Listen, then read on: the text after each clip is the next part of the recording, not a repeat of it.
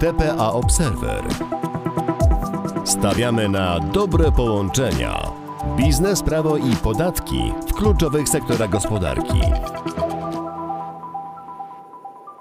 Z początkiem 2022 roku weszła w życie wielokrotnie przekładana nowelizacja przepisów regulujących nowe obowiązki w zakresie poboru podatku u źródła.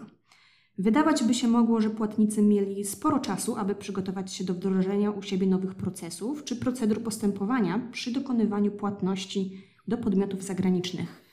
O tym, czy wejście w życie nowego reżimu obowiązkowego poboru podatku u źródła, czyli mechanizmu Pay and Refund, zaskoczyło płatników, czy jednak nie, porozmawiam dzisiaj z Marcinem Książkiem, menedżerem w poznańskim dziale podatkowym TPA. Witaj Marcinie. Dzień dobry.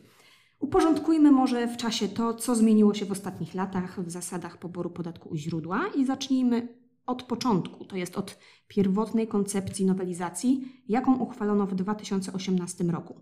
Jakie to były zasady? Zmiany, które się wtedy pojawiły, należałoby określić jako rewolucyjne. Jeszcze do końca 2018 roku w celu zastosowania zwolnienia albo preferencji w podatku u źródła wystarczające było, że płatnik posiada certyfikat rezydencji, a odbiorca tych należności spełnia warunki materialno-prawne do zastosowania e, tych przepisów. Natomiast od stycznia 2019 roku, nawet pomimo spełnienia warunków materialno-prawnych przez odbiorcę należności i posiadania wymaganych dokumentów przez płatnika, jeżeli suma tych płatności przekraczała 2 miliony złotych, płatnik był zobowiązany pobrać podatek e, według polskich stawek, czyli 19% albo 20%. Co prawda ustawodawca wprowadził możliwość uniknięcia obowiązku pobrania tego podatku, ale wiązało się to albo ze złożeniem oświadczenia przez kierownika jednostki pod rygorem odpowiedzialności e, karnej, że spełnione są wszystkie e, warunki do stosowania zwolnienia, albo e, z koniecznością wystąpienia o opinię o stosowaniu zwolnienia do organu podatkowego, co było wyjątkowo czasochłonne. Rozumiem. No to rzeczywiście wygląda na rewolucyjną zmianę. Dlatego w pewnym sensie miłą niespodzianką wydawać by się mogło, że były wydane i opublikowane w dzienniku ustaw rozporządzenia ministra finansów, które odroczyły wejście w życie tych nowych zasad odnośnie obowiązkowego poboru podatku. Stało się to tuż przed wejściem w życie nowych zasad, to jest 31 grudnia 2018 roku. Sam projekt ustawy nowelizującej, który pojawił się w 2018 roku, został oceniony wyjątkowo negatywnie zarówno przez językoznawców pod e, kątem poprawności semantycznej i pragmatycznej, jak i przez doktrynę i praktykę e, prawa podatkowego. Ministerstwo Finansów próbowało e, ratować tę sytuację, wydając projekt objaśnień, który swoją drogą do dzisiaj, po, po ponad dwóch latach, nie wyszedł poza fazę projektu. E, a następnie opublikowało e, wspomniane przez Ciebie rozporządzenia.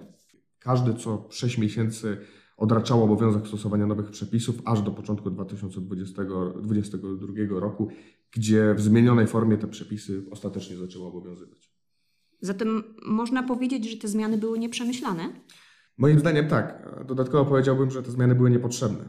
Polska jest państwem o dużym potencjale inwestycyjnym, a dochody zagranicznych inwestorów są większe każdego roku za wyjątkiem oczywiście pierwszego roku pandemii.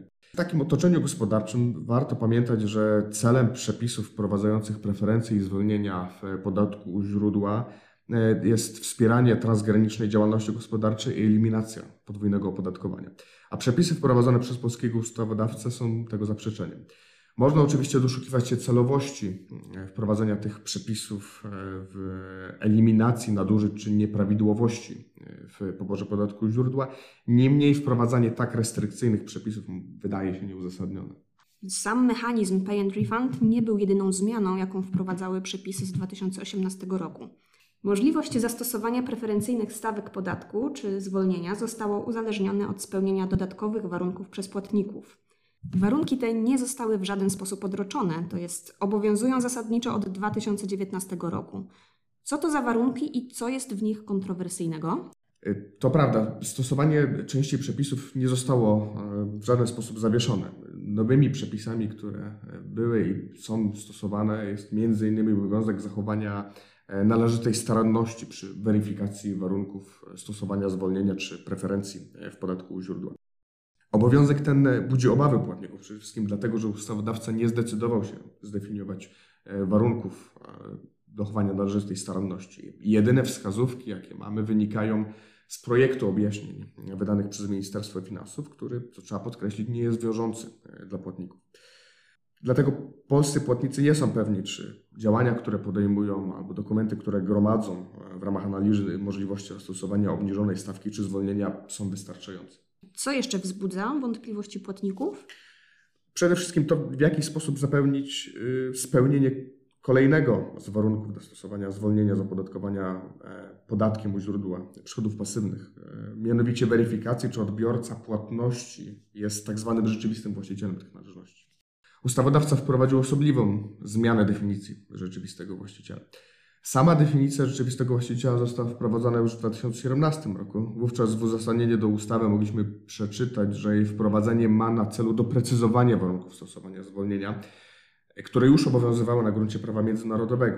Natomiast w ocenie doktryny prawa podatkowego e, ta definicja była szersza i nie odpowiadała istocie temu, co wypracowano w ramach prawa międzynarodowego, w tym orzecznictwie trybunałów i zagranicznych sądów. Dwa lata później definicję tego pojęcia zmieniono i obecnie ustawodawca definiuje rzeczywistego właściciela jako podmiot, który otrzymuje należności dla własnej korzyści, w tym decyduje samodzielnie o jej przeznaczeniu i ponosi ryzyko ekonomiczne związane z utratą tej należności lub jej części, a także nie jest pośrednikiem i prowadzi rzeczywistą działalność w kraju siedziby. Taka treść definicji wiąże się z obowiązkiem badania treści ekonomicznej, substratu materialno-osobowego spółki, na rzecz której jest, czy podmiotu, na rzecz którego jest wypłacana e, ta należność. Natomiast w mojej ocenie e, jest to nieuzasadniona i błędna konstrukcja. Takie działania e, powinny być zarezerwowane dla klauzul antyabuzywnych, klauzul unikania podwójnego odpodatkowania, a klauzula rzeczywistego właściciela nie powinna być rozumiana jako mechanizm zapobiegania unikania opodatkowania.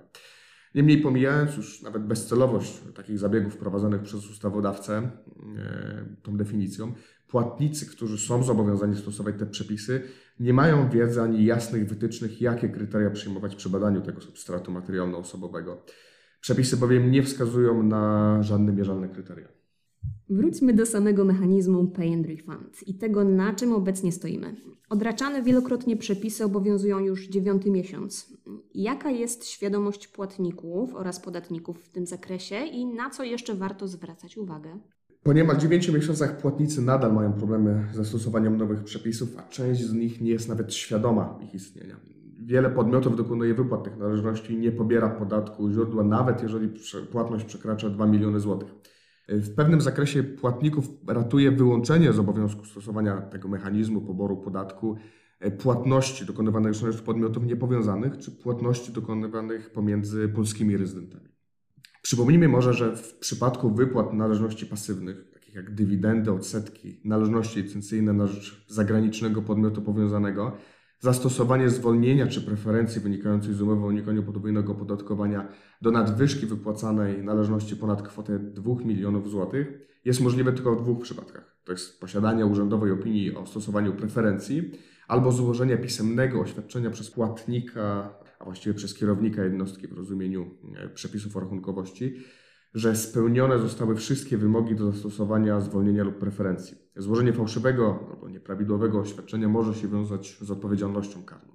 Nasze doświadczenia wskazują, że podmioty, które są świadome e, istnienia tych obowiązków, raczej nie są skłonne do e, podpisywania oświadczeń, które są składane przecież pod rygorem odpowiedzialności karnej za złożenie nieprawidłowego albo fałszywego oświadczenia. W szczególności wpływ mają na to wspomniane przeze mnie wcześniej niejasne kryteria w zakresie dochowania należytej staranności, czy kwestie e, badania substratu materialno-osobowego, czy prowadzenia rzeczywistej działalności gospodarczej przez podmiot, który jest e, odbiorcą tych należności.